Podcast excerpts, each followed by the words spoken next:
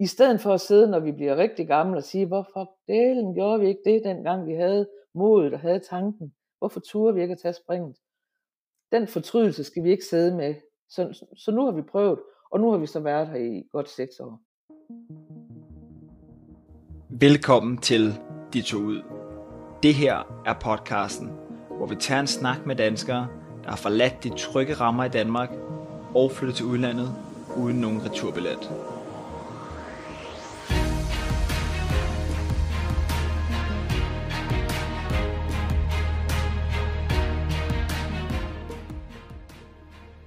Tanken om at tage ud og bo i et andet land permanent har altid fascineret mig.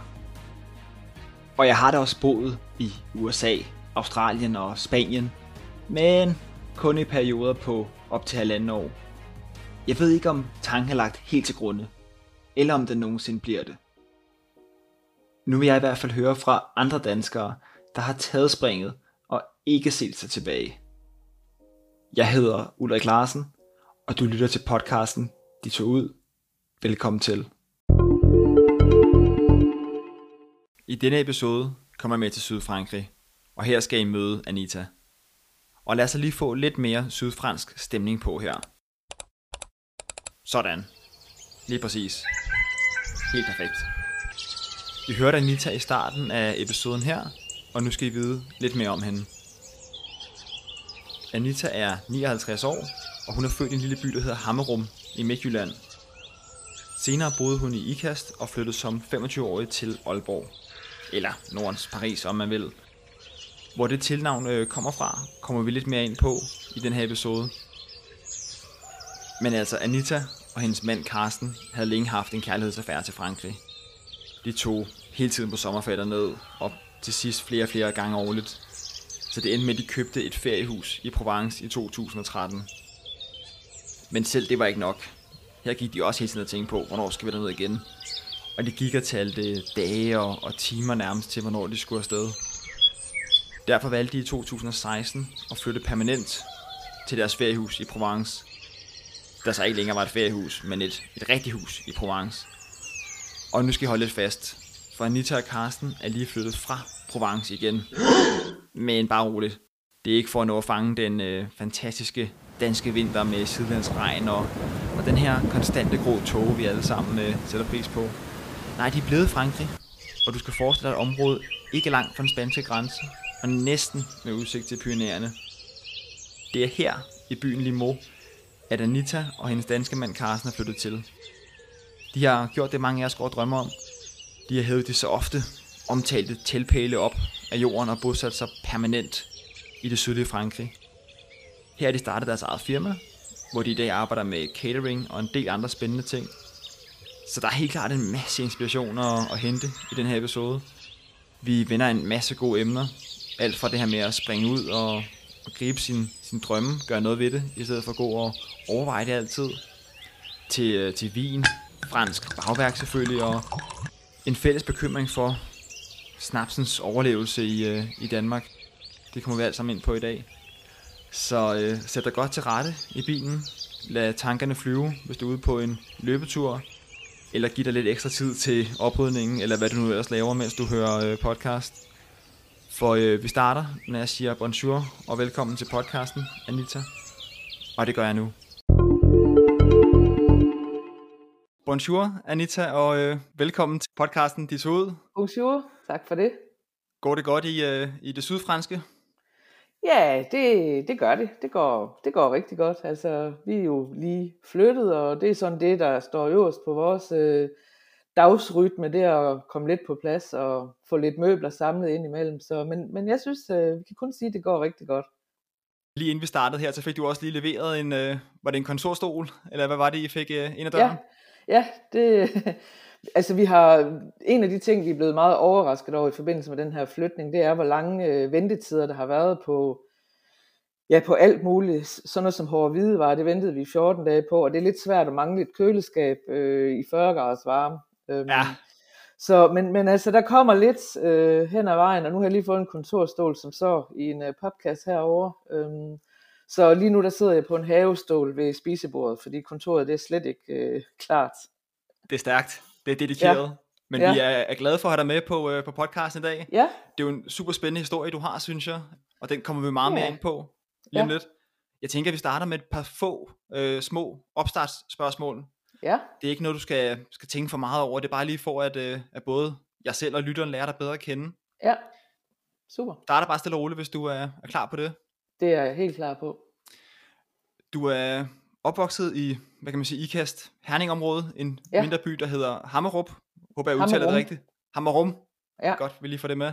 Ja, Senere flyttede du til Aalborg, men ja.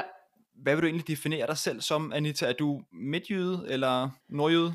Ja, det er, det er rigtig, rigtig svært, fordi øh, det skifter lidt øh, med, hvad situation det lige er.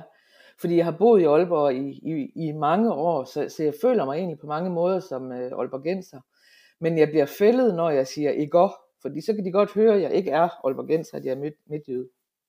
Hvis vi sådan snakker øh, sport, øh, vi interesserer os her i huset en, del for mange forskellige sportsgrene, så, så hvis vi snakker fodbold, så er jeg helt klart midtjyde. Snakker vi håndbold, så er jeg Aalborgenser med stort dobbelt A. Sådan, stærkt. Ja. Ja. Du har øh, adopteret, hvad kan man sige, håndbolden i, i Aalborg. Nej, faktisk så øh, spillede jeg øh, håndbold som, øh, som, som barn og junior og yngling og hvad, hvad det hed dengang øh, i Midtjylland. Og det er også Okay. derfor, at, øh, at den sportsgren, det er nok den, der sådan er, er tættest på mig øh, og, og interesserer mig meget. Så, men, og der følger jeg helt klart og holder helt klart med Aalborg håndbold. Sådan. Ja. Så du har en, en fod i hver lejr, ved at våge Ja, på det har jeg. stadigvæk. Det har jeg. Ja, Ja. det er godt. Hvor går grænsen egentlig fra, hvor man siger ikke åh? Det tror jeg er en god lille Ja. ja. public service lige at få med. Det er jeg meget i tvivl om selv.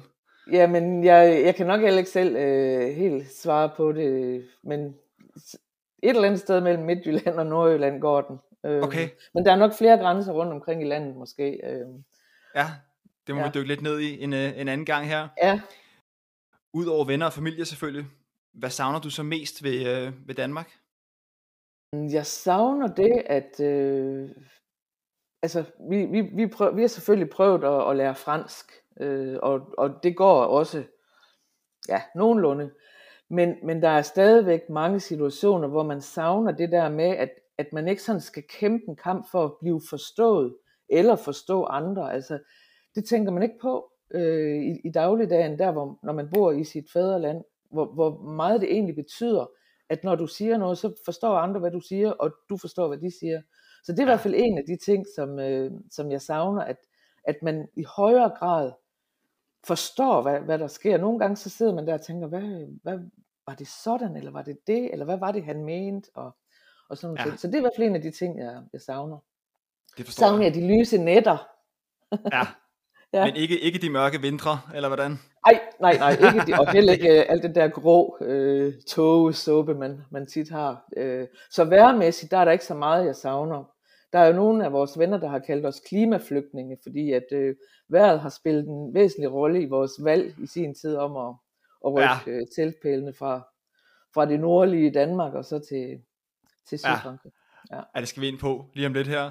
Men ja. øh, det forstår jeg godt, det her med, at selvfølgelig man er bare mere forståelig på sit eget sprog. Jeg synes ja. Ja. næsten, man kan blive en lidt, lidt anden person nogle gange, når Ja. man skal, skal tale et andet sprog. Ikke? Altså, jeg ja. Synes, jeg mister meget af min, min humor i hvert fald, når jeg snakker Ja, engelsk lige i præcis, forhold til, til præcis. dansk. Jamen, det er rigtigt. Men øh, jeg kan desværre ikke snakke så meget andet end engelsk. Nej. Men øh, nu til de lidt mere alvorlige spørgsmål her, Anita. Ja. Er du begyndt at drikke mere eller mindre vin, efter du flyttede til Sydfrankrig? Den var, den var grim, synes jeg, den der. Ja. Jamen altså, vi har, vi har altid godt kunne, kunne lide vin. Øhm, men det er mere almindeligt, kan man sige, at man også får et glas vin i, dag, altså i hverdagen, end det måske er i, i Danmark. Altså, folk de drikker vin til, til frokost og sådan noget, og det gør vi nu ikke, medmindre vi er ude. Altså, vi, vi sidder ikke herhjemme til frokost og drikker vin. Men det er nok en smule mere. Der, hvor vi boede før, hvor vi netop er flyttet fra, det var jo Roséland. ja. Så, så der røg øh, godt med rosé øh, indenbords, kan man sige. Og, altså det er jo 90 procent af al den vinproduktion, der foregår i øh, Provence, det er faktisk rosé. Så det er jo rigtig, rigtig meget. Nu er vi så flyttet til et nyt område, hvor det er hvidvin og, og den slags. Så, så, det, så nu det skal vi så til at vende os til. Og det, det går. det, det skal vi nok komme, komme over. Ej, det, det er godt at høre. Der er et lidt andet forhold til, øh, til rødvin i, i Frankrig, det synes jeg også, man tit har hørt om. Det der med, at man, ja. man kan få sådan et lille glas vin hver dag der. Ja, og det, og det er jo også, øh, det er jo, altså, at gå ud på en, en café eller et sted og, og, og få et glas vin, det er jo også nogle helt andre priser, end det typisk er i, i Danmark. Ja, ja der, der kører vi lidt mere i det her i Danmark, der er det enten eller, ikke? Så enten drikker man et par flasker, eller også ja. så, ja. så er det ingenting. Det er lidt ja. sådan, de, de ja. fleste af os kører det, tror jeg. Og et lidt mere generelt spørgsmål. Er baguette ikke en rimelig overvurderet stykke bagværk? Eller hvad føler du for den? Nej, altså jeg vil sige, der, der er jo flere ting i det, fordi for det første, så kan det være, det kommer an på, hvor du køber det hen. Du skal vælge din bager med omhu. Ja.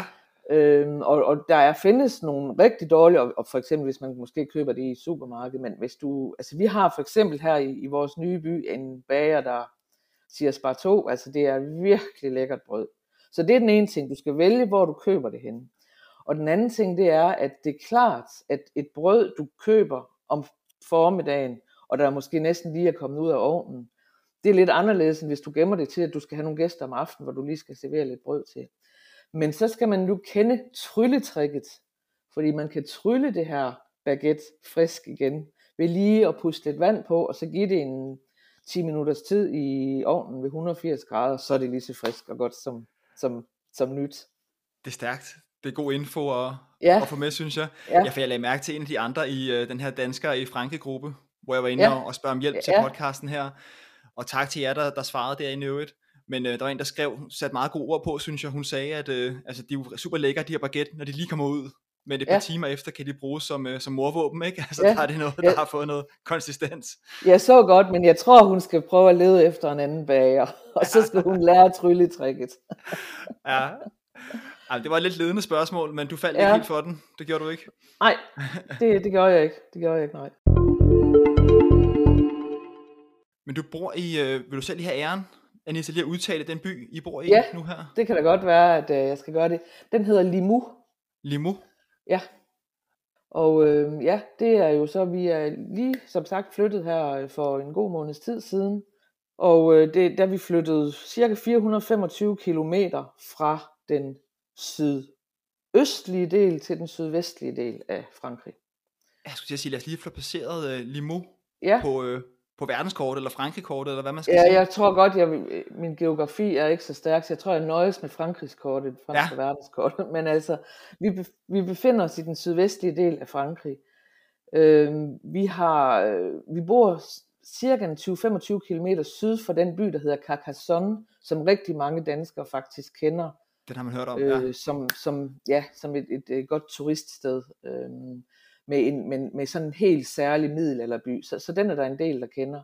Men ellers så, bor, så har vi sådan 100 til halvanden 100 kilometer til rigtig mange forskellige ting. For eksempel til den spanske grænse, til ud til, til Middelhavet og, og en, hvad hedder det, til Toulouse har vi 100 kilometer. Og vi er meget, meget tæt på Pyrenæerne. Vi skal ikke meget uden for, for vores øh, lille by her, før vi øh, kan se øh, Pyrenæerne. Kan I se det i baggrunden hjemme fra jer ja. endnu? Eller? Ikke Super. her lige fra, hvor vi bor. Vi kan se højder, ja. men, men ikke selve Pyrenæerne kan vi ikke se lige fra vores øh, matrikel. Men vi skal ikke køre mange kilometer før, så, så tordner de op. Øh. Det lyder som mm. øh, super lækre omgivelser. Jamen, det, det er nogle fantastiske. Barcelona må der være i nærheden også, ikke? Ja, det er ikke så langt væk. Altså, som sagt, den spanske grænse, der har vi øh, ja, et halvanden 100 kilometer eller sådan noget, tror jeg. Øhm, okay. Og så skal man jo selv lige lidt længere ned. Men, men som sagt, vi har jo slet ikke været ude og udforske det her område endnu. Øh, vi tager faktisk en tur her i næste uge, fordi øh, vi, vi, er no, vi kan rigtig godt lide bjerge, faktisk. Ja. Og, så vi skal en tur i Pyrenæerne. Vi har aldrig været i Pyrenæerne og, og, og oplevet og besøgt Pyrenæerne. Så det, vi tager afsted her øh, om en god uges tid, og er væk i en lille uge, hvor vi skal, skal have udforsket i hvert fald en del af, af Pyrenæerne. Og nogle af de der meget øh, ikoniske bjerge fra Tour de France øh, skal, vi, skal vi ud og opleve. Ja, vi kommer selvfølgelig ja. tilbage til Tour de France senere i programmet også her, okay. kan jeg sige til, til både dig og lytteren. Okay. Men, øh, men øh, ja, skal I, så skal I ud og vandre og, og se bjergene på den måde, eller hvordan? Ja, ja, det bliver nok ikke sådan en vandretur, altså, men, men vi skal ud og opleve både nogle af, af, af byerne, der ligger øh, på, på, på kanten. Der er for eksempel en by, som også er meget kendt i nogle, øh, i nogle sammenhænge. En by, der hedder Lourdes, som er sådan en pilgrimsby, hvor folk de øh, rejser til for at få helbredt diverse skavanker. Så, så det ved jeg ikke, om, om vi måske skal lægge vejen forbi, og så lige se, om vi kan blive, blive helbredt for nogle af vores skavanker. Det kan Men, ikke men det skal vi også, øh, nej, det skal vi også lige øh, opleve. Så, så vi skal ud og, og opleve øh, nogle Ja. af tingene, som ligger her i nærområdet. Og bare lige for en god ordens skyld, altså jeg, jeg kan se på kortet, I har cirka 2.000 km, give and take, fra Danmark af, hvis man skulle finde på at, at køre ned til jer selv. I hvert fald fra Aalborg, af, ja. Men øh, ikke, ikke til den danske grænse, der er der jo så det mindre, ikke også? Men, men ja. altså, vi har cirka det samme. 2.000 km, det havde vi til der, hvor vi boede før, og det har vi faktisk også her til, hvis vi skulle køre til eller fra Aalborg. Okay, det synes jeg egentlig er en distance, man godt kunne, kunne køre, ikke? I, Ja, øh, jo, og det har vi gjort mange I gange. nogle sammenhæng, ja. Ja, ja, Hvor jeg, jeg kan huske, nu boede jeg selv nede i halvanden år nede i Malaga, hvor vi også har haft Ja. Henrik med fra, og det er sådan, det er 3.000 km, den er lige, Ja. den er lige lang nok, men det synes jeg godt at få det perspektiv med, hvis der sidder nogle lyttere Ja. derude, og det, det håber vi, der gør jo, der tænker, at, Ja.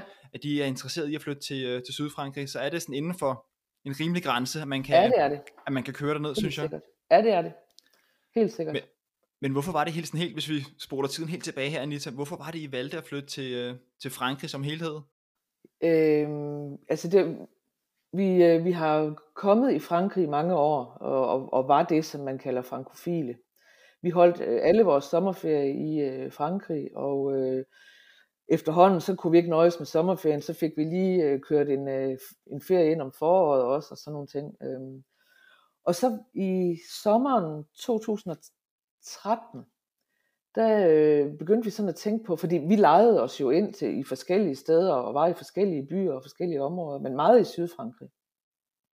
Men i sommeren 2013, så, så kom vi til at snakke om, mens vi faktisk var på ferie hernede, kunne det være en idé, altså skulle vi prøve at overveje at købe vores eget lille sted, sådan så vi ikke skulle have den der kamp hver forår i januar for at finde, hvor skulle vi nu holde ferie hen øh, i år. Og, og øh, allerede mens vi var hernede på den der sommerferie det år, der begyndte vi allerede sådan lige at kigge lidt ved nogle ejendomsmalere og sådan noget. Og, og det fortsatte jeg så med, da vi kom hjem. Og så endte det jo så med, at inden året var gået, der havde vi faktisk købt et lille, et lille hus i, i den by over i øh, Provence, som, som vi så har boet i øh, efterfølgende. Så vi havde huset, og det havde vi i to og et halvt år, og vi kunne godt mærke, at det trak mere og mere. Altså, det var virkelig den der ferie, du ikke ville hjem fra, kan man Ja. sige. Ja, Øhm, og og øhm, vi, vi var trist, og vi havde altid styr på, hvornår kan vi komme afsted igen, og vi vidste lige præcis, der er så og så mange uger til, og så og så mange døgn, og, og så, øh, og der var mange, der egentlig havde spurgt os, kunne I, kunne I finde på at flytte derned, dengang vi købte huset, og vi sagde, ej, det kunne vi godt nok ikke, det er kun et feriehus. Fransk byråkrati, nej, det skal vi ikke nyde noget af. Men altså, Samtidig så fik min mand, han blev faktisk ramt af noget stress og, og var sygemeldt i en periode, hvor han sådan begyndte at gå og tænke lidt mere over livet, og har man egentlig opnået ja, det? Så, ja. ja. lige præcis, prioriteringer, ja. Så det var egentlig også ham, der sådan måske startede tanken øh, hos os begge to, at sige, altså hvad er det værste, der kan ske? Vi kunne da prøve, og hvis nu det ikke, hvis ikke vi synes, det er noget, så kan vi da bare komme retur igen. ja, Fordi vi har ikke, vi har ikke børn, så, så på den måde havde vi ikke sådan nogle, vi, det var kun os selv, vi, vi, øh, vi ramte, kan man sige. Vi, vi, det var ikke konsekvenser for andre. Så, øh, så vi blev enige om, i stedet for at sidde, når vi bliver rigtig gamle, og sige, hvorfor delen gjorde vi ikke det, dengang vi havde modet og havde tanken? Hvorfor turde vi ikke at tage springet? Den fortrydelse skal vi ikke sidde med. Så, så nu har vi prøvet, og nu har vi så været her i godt seks år. Det synes jeg er super inspirerende, og det er også det, der ligesom er, jeg tror jeg, hovedessensen af, af podcasten her. Ja. Det er det der med, at man skal virkelig øh, altså, tage, tage chancen, synes jeg, Ja. hvis der er Ja. noget, og, og hvad er det værste, der kan ske, det synes jeg Lige er et præcis. fantastisk mindset, I har, og det er derfor, I har så, så god en historie, synes jeg, og, Ja, og godt at have dig med her. ja, tak. Hvis I skal prøve at have den her øh, helt store tidslinje på, så får I så øh, rækkehuset køber I i 2013. Ja. Men hvor, hvor meget længere skal vi tilbage i tiden, før I begynder at holde ferie i, i Frankrig? Jeg tænker, har vel også været andre steder hen, ikke? Hvis vi går helt tilbage Jo, til... vi var lige, øh, vi var lige i Italien.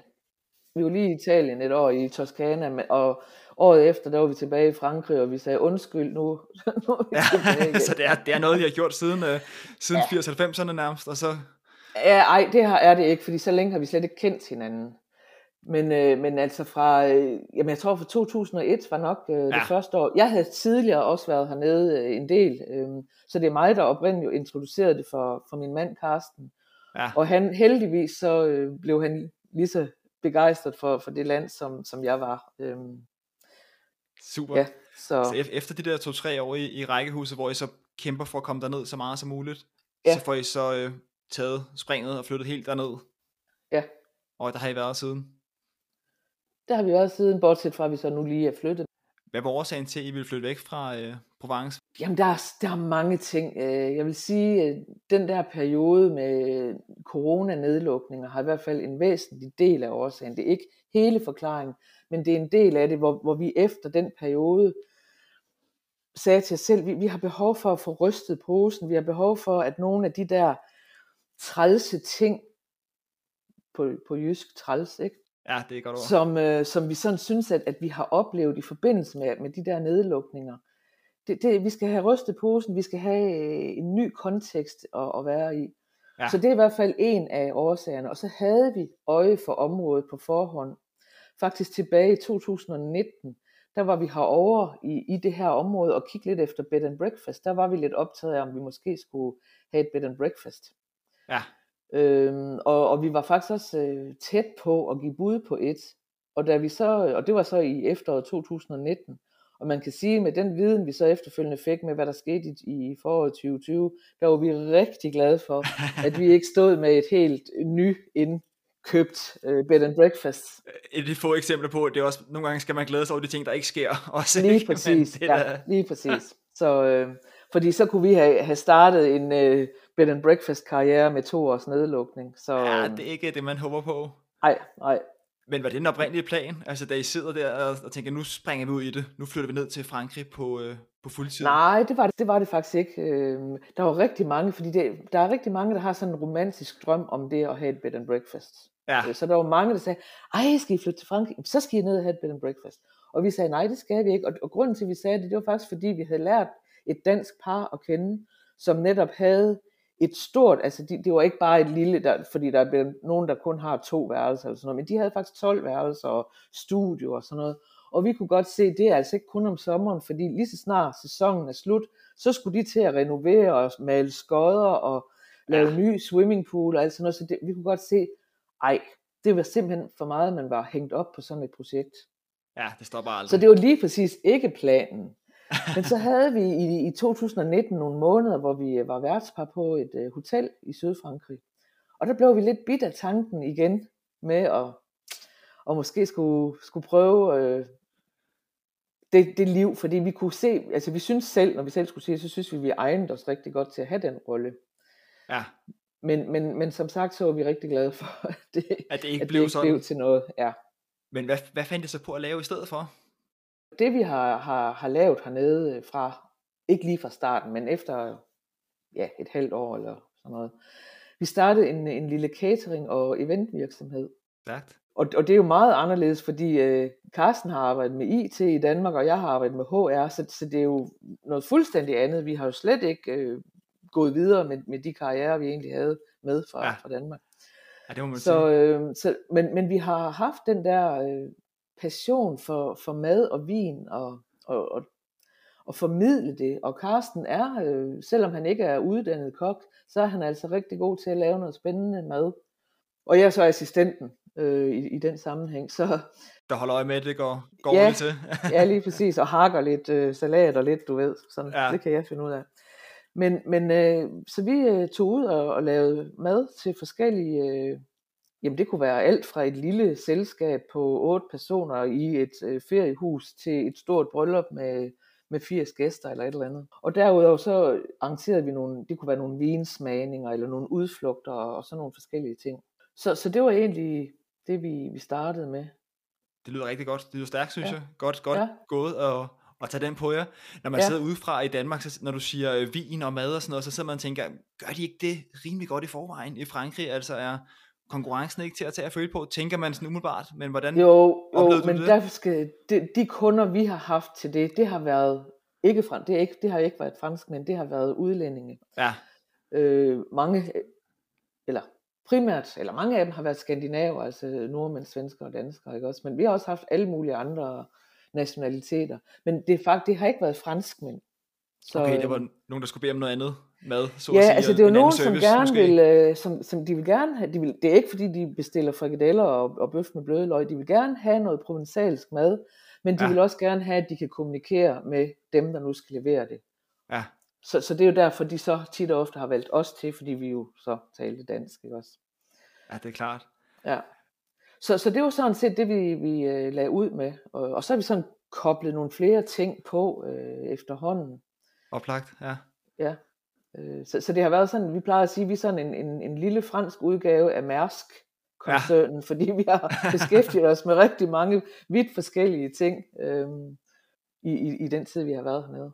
Hvor mange ting har I fået koblet på? Altså, hvad laver I den dag i dag? Nu er der gået, Jamen altså nu, gået 6, altså, så har vi sådan, ja, det er godt seks år. Ja. Det vi har koblet på, vi har lavet lidt øh, hjemmesider, altså der har vi så lige brugt øh, Carstens øh, IT-kundskaber der. IT-kundskaber, ja. Øh, og så har vi faktisk også gjort det, at vi har øh, holdt øje, altså der er rigtig mange, øh, der har feriehuse i ja. Sydfrankrig. Det kan være skandinaver og andre øh, nationaliteter som vi så har øh, holdt øje med. Vi har måske, øh, når de ikke er her, så, vil de gerne have, at øh, der er lige nogen, der holder øje. Er der nu, er alt som det skal være? Poolen har vi måske holdt for nogle af dem, og hjulpet dem i forbindelse med, når de har udlejet om i højsæsonen til, til gæster og sådan nogle ting. Så det er også en af de ting, vi koblet på. Derudover så har vi øh, taget fotos øh, til, øh, altså både i forbindelse med hussalg ved ejendomsmalere, der tror man nogle gange, det er løgn, når man ser øh, de der boligpræsentationer, som, som franske malere de lægger på, øh, hvor, hvor de har taget øh, billeder med en eller anden dårlig mobiltelefon, og ikke har været klar over lyssætninger og sådan nogle ting. Ja. Så, så der har vi sådan tilbudt os som værende, altså levere nogle professionelle øh, billeder med den rette lyssætning. Så, så der har vores kunder jo så været ejendomsmalere.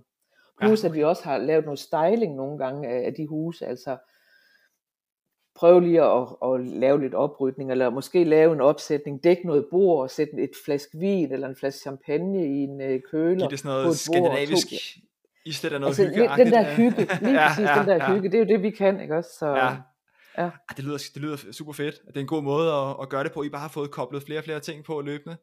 Ja, men det har også været nødvendigt, for, for man kan sige uh, igen, hvis vi skal den coronaperiode, der var jo ikke meget gang i en cateringvirksomhed, fordi alt hvad vi havde, det blev jo aflyst. Øhm, alt hvad vi havde i 2020, og vi tænkte, ah, bare vi lige kommer over 2020, så kommer vi ind i 2021, så er det hele godt igen. Det viste sig jo så ikke at være tilfældet. Så det har været hård, øh, det har været en hård øh, periode for os med, med den her bitte virksomhed, hvor, øh, hvor, hvor alt blev aflyst. Så, så vi har også, det har også været nødvendigt for os at finde nogle alternativer, vi kunne koble på. Og for eksempel det der med boligpræsentationer.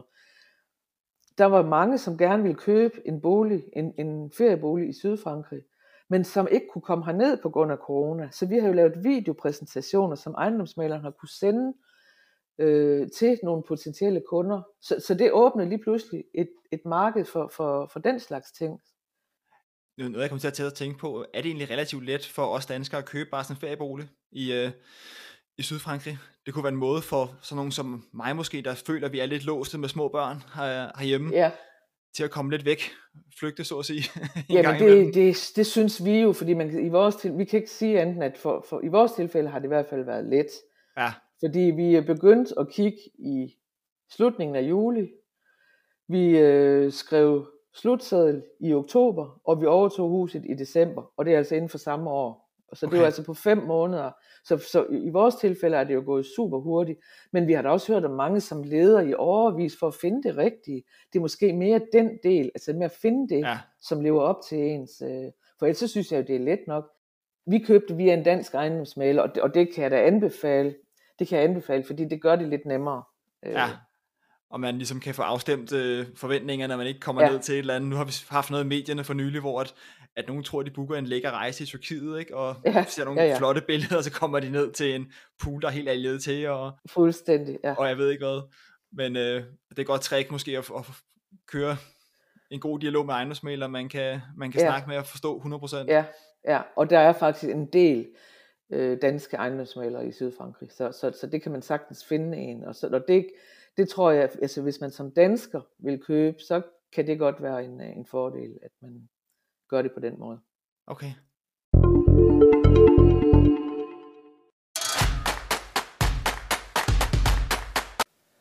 Ladies and gentlemen, Let's start the quiz. Yes, Anita, så er vi nået til vores øh, faste indslag her. De tog ud quizzen. Ja, Og du ser spændt ud, det kan lytteren jo ikke se, men du ser meget spændt ud. jamen det er jeg da også. det er jo klart, det er jo nu, vi får afklaret, om du er mest fransk, eller om du er mest dansk, her efter Ja. en lang ikke? en lang periode med at frem og tilbage, og nu seks år på fuldtid i, øh, Ja, i Frankrig her. ja. Hvad vil du selv, hvis du selv skal sætte nogle procenter på her, inden vi starter? Ah, men øh, så vil jeg sige, at jeg er mest dansk. Der har jeg trods alt været langt den øh, hovedparten af min, øh, af min tid. Og, og, og igen, hvis vi sådan lige skal nævne sportens verden, der er der aldrig tvivl i mit sind. Altså hvis der er en øh, håndboldlandskamp mellem Danmark og Frankrig, så er der, der er aldrig tvivl om, hvem jeg holder med. Nej, det er også gået godt for Danmark, kan man sige. Ja, ikke? Hvis det nu er gået dårligere, så kan det godt være, at man havde tænkt, ah, Ja, er, er Frankrig egentlig ikke okay? Eller det ved Ja. jeg ikke. Men, og det er de. De er, de er Ja, ja, faktisk ja. altid de to lande, der, der kæmper om at vinde titlerne. Så, så hvis Danmark bliver slået, så holder jeg selvfølgelig med Frankrig, men, men, men jeg er ingen tvivl om, at jeg, er- jeg er mest dansk. Jeg er jo dansk, altså. Ja. ja, du, vil ikke, du tør ikke sætte et tal på. Nej, det ved jeg ikke. Altså, hvad skal vi sige, en 60-70 procent måske dansk. Til dansk, ja, ja, der, der er lidt Ja. at give af så, til den franske Ja. side. Men nu må vi jo se, om din quiz vil afsløre noget andet. Det er også værd at sige, ikke? det er jo en meget objektiv quiz her, som Ja. får et meget reelt resultat. Ja, Så jeg synes bare, vi, øh, vi starter ud og tager Yes.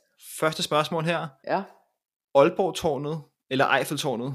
Ej, Hvad hælder du mest til? Ej det, det er altså Eiffeltårn. Det må jeg, det må jeg Er det Eiffeltårnet? Ja, det er det. der er er ikke det. meget tvivl. Nej, Der. nej. Har du været oppe i Aalborg-tårnet? Ja, ja, det har jeg. der? Ja, ja, det har jeg. Der ligger jo en lille café deroppe, og så jeg tror også, jeg har indtaget en kop te eller en glas et eller andet, så, så jo, det har jeg Hey. været oppe. Er det noget, du kan anbefale Aalborg-tårnet ellers? Ja, men altså, det er godt nok mange år siden, jeg har været der. Jeg, jeg mener, der er nogen, der, altså jeg mener faktisk, at der er nogen, der sådan har kunne lege det til for eksempel at holde en konfirmation eller et eller andet. Altså, men, men jeg tror, at altså, der er en fin udsigt, som, som jeg husker det, så, så det kan jeg godt anbefale. Men jeg vælger Eiffeltårn af de to. Stærkt. Sådan. til bonusinfo også til lytteren kan jeg sige, at øh, jeg så, at der står Aalborg-tårnet, det er 55 meter højt, og Eiffeltårnet med antennen og det hele skulle være 300 meter, så der er lidt, lidt højdeforskel, inden I begynder at valgfarte til Aalborg og tænke, at nu skal I op i, i højden. Ja, ja.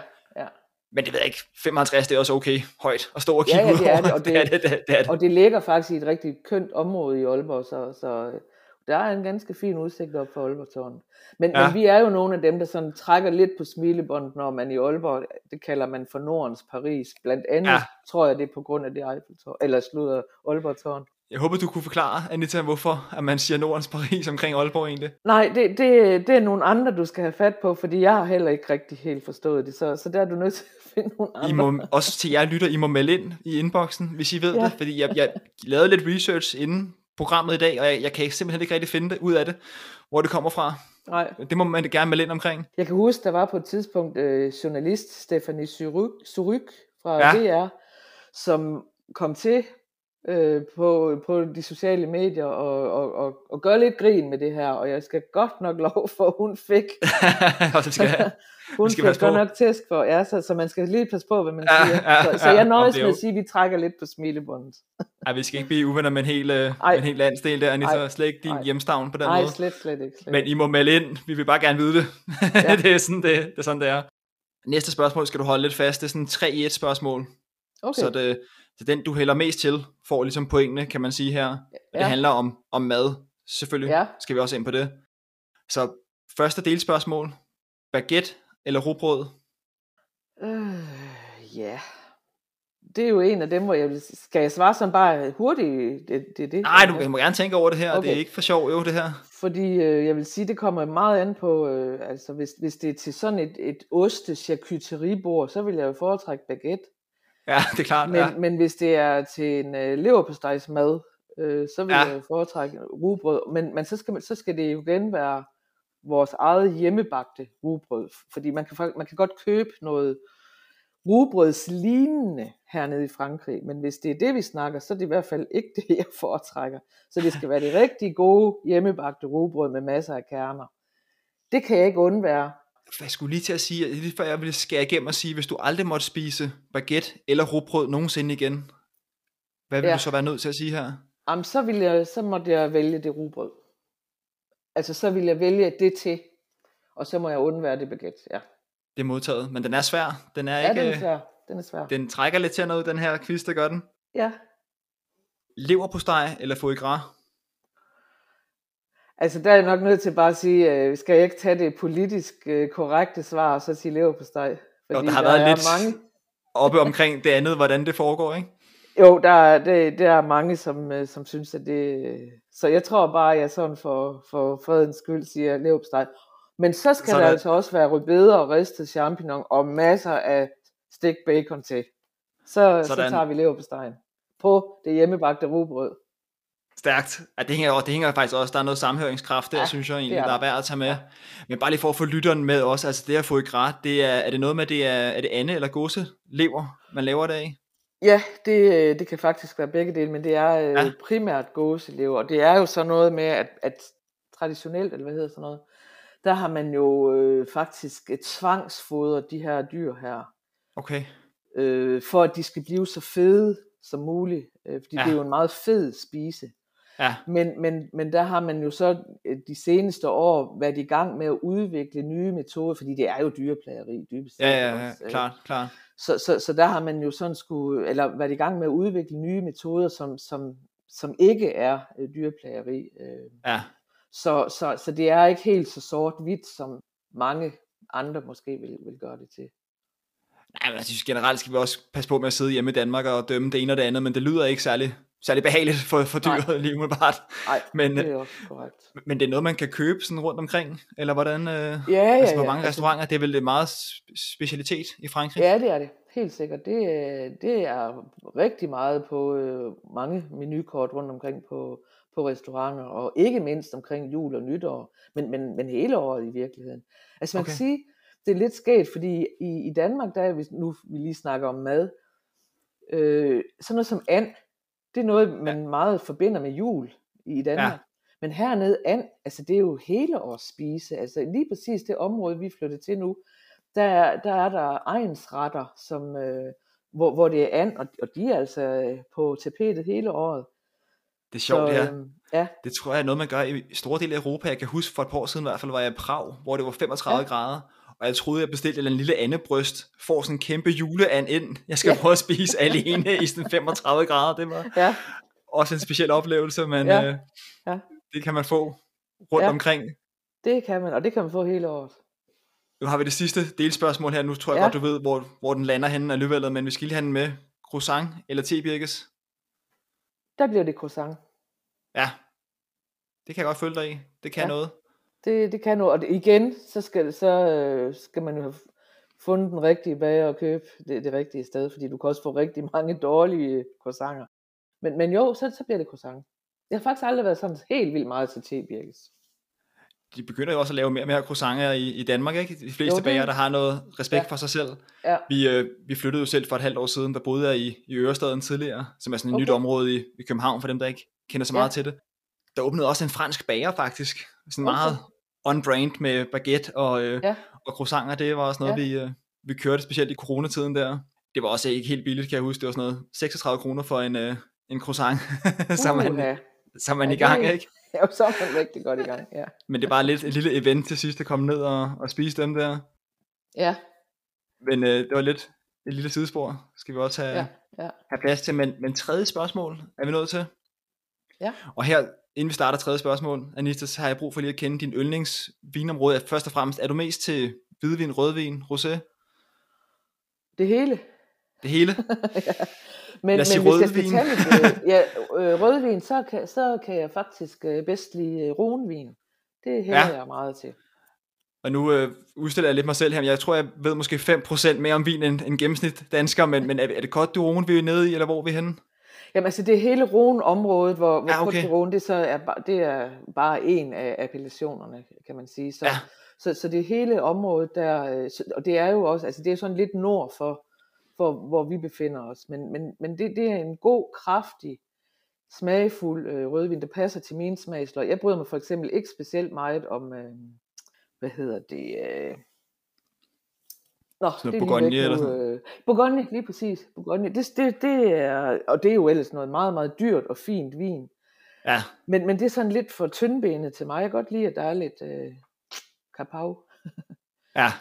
Så, Ja, så klart. hvis det, vi snakker rødvin, så vil jeg sige, øh, så er Rhone mit foretrukne område i Frankrig. Det er ellers noget af det, jeg virkelig sætter pris på i Frankrig. Det er jo klart rødvinen. Der er godt nok nogle, øh, nogle verdenskendte områder hele vejen rundt. Det er, Ja. der, ingen, øh, det er der ingen tvivl om. Ja.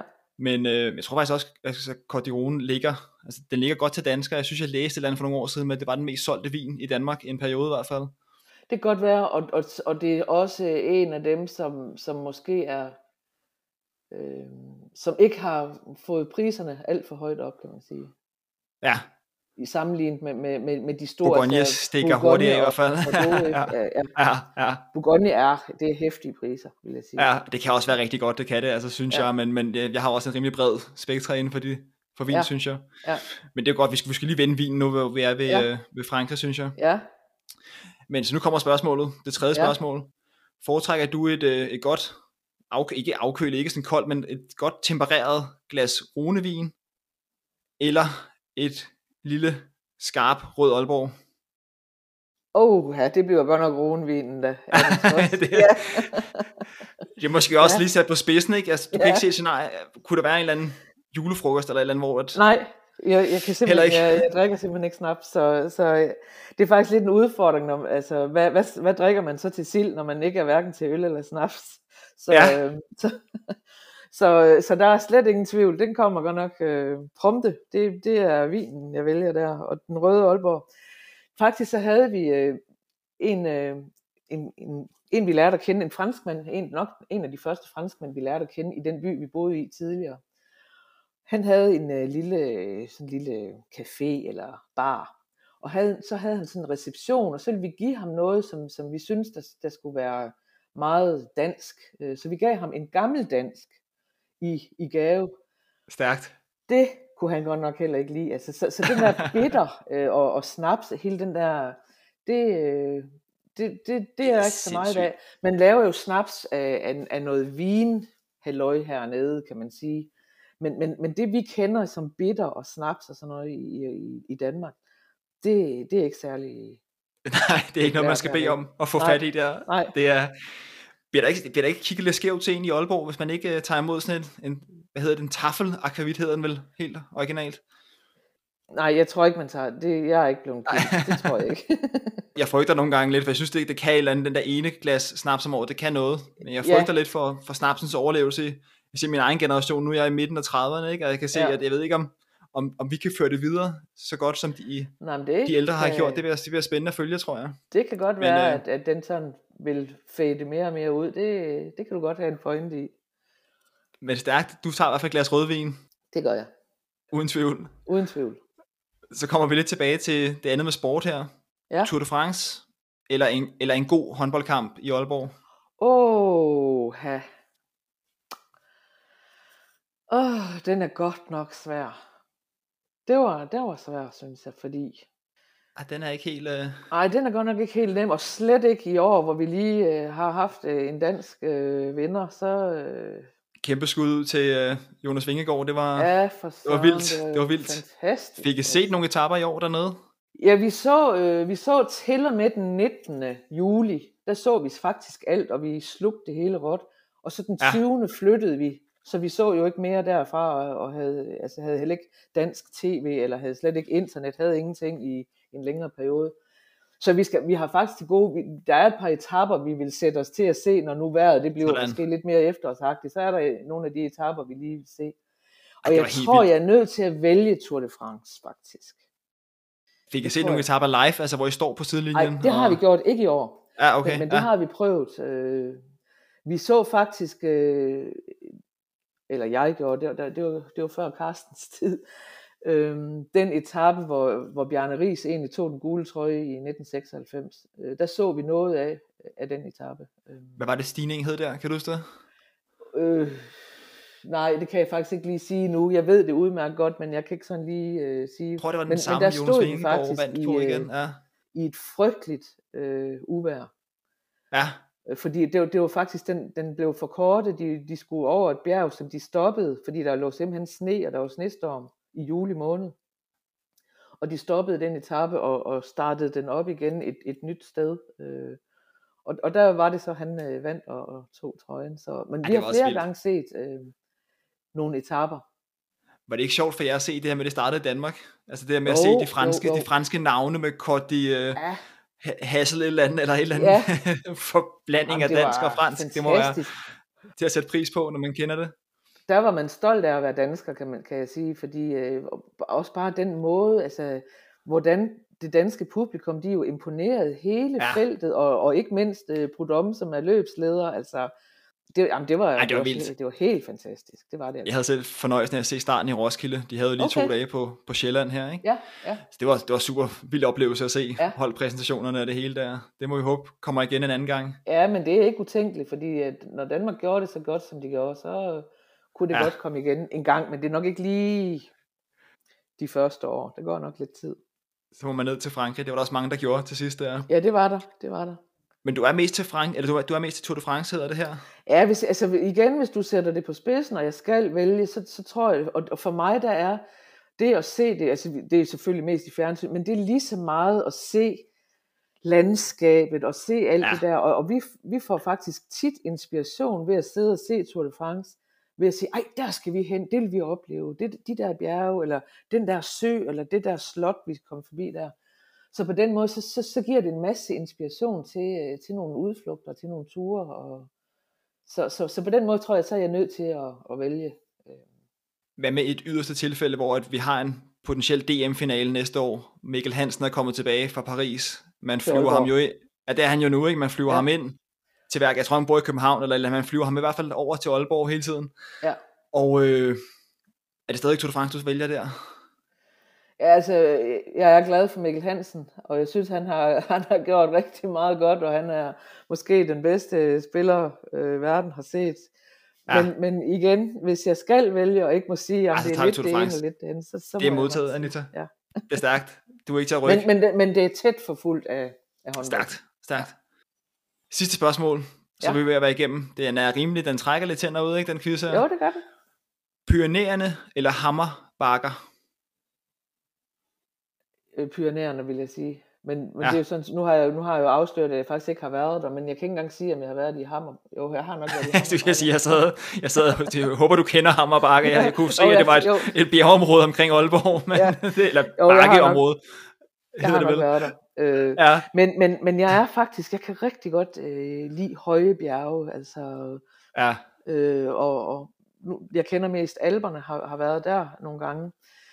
Øhm, så, så, men men der, det kan simpelthen et eller andet specielt, sådan nogle rigtig høje bjerge, og jeg synes, det, det er, jamen det er så specielt et landskab, og det er nogle gange, så føler du, at der er blevet et rullegardin, der er trukket ned, fordi de der bjerge, de tårner sig op om, og, og laver sådan helt specielt lys, fordi de er Ja. så høje og kommer nærmest op og dækker lidt for solen og sådan nogle ting. Altså, jeg synes, det er så specielt. Øhm. Så jeg tror, altså, hvis man har sådan et kunstnerisk gen, altså hvis man var maler eller forfatter eller et eller andet, så, så tror jeg simpelthen, at, øh, at det, det vil være et område, som virkelig kan give noget inspiration. Øhm. det er noget andet end lige meget, hvor man er i Danmark næsten, ikke? Så er det lidt Jo, fladt altså- og lidt kedeligere. det er det Altså, altså. Jamen, det, det, det kan også være smukt, og øh, for Ja. ja. eksempel omkring Silkeborgsøen, og jeg ved ikke hvad, altså der er Helt mange sikkert, smukke ja. ja. steder i, i Danmark, men, men de der høje bjerge, de kan altså noget helt særligt i min Ja, optik. enig, ja. Ja. Vi skal lige have regnet sammen med quizzen ja. her. Første spørgsmål, der var du mest til Eiffeltårnet. Så ender du, det er jo selvfølgelig til den franske side, ikke? og så var du ja. Ja. mest til, øh, til den danske mad, kan man sige, med, ja. Ja. med leverpostej og, og Ja. rugbrød her.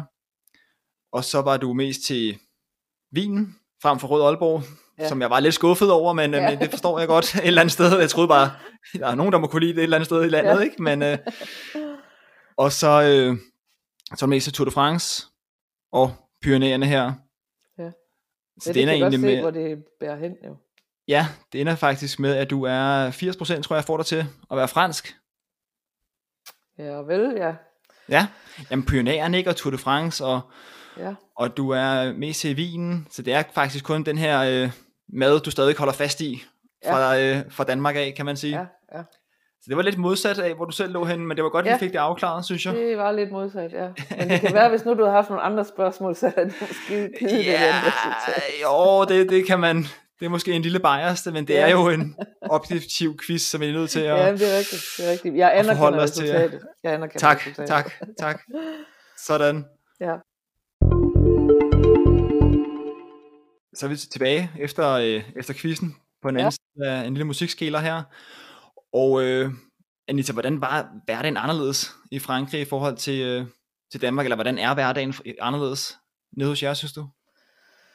Åh, det, det er meget anderledes. Altså, øh, det, det- altså i Danmark, der, der kan tingene godt foregå lidt stresset. Altså folk de stræber meget efter, efter øh, altså jobtitler. En af de ting, som vi lagde meget mærke til, det er, hvis du, hvis du ser et indslag i tv-avisen eller i nyhederne, og der, det kan være et indslag, der handler om, at øh, der er et barn, der er blevet glemt i en børnehave, eller hvad ved jeg, og så snakker de med en af de der forældre, og så står der så, at, øh, at han er ingeniør. Altså det står sådan en lille skilt, øh, han er ingeniør.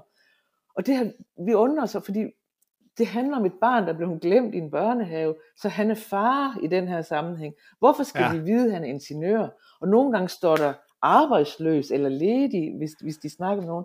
Så, så jobtitler, altså i Danmark har man meget behov for at fylde folk, altså det er min, det er min vurdering, Ja, fylde folk ned i, i, i, altså i en kasse, der hedder, han er skolelærer, eller hun er socioassistent, eller direktør Ja. ja. for øh, et virksomhed.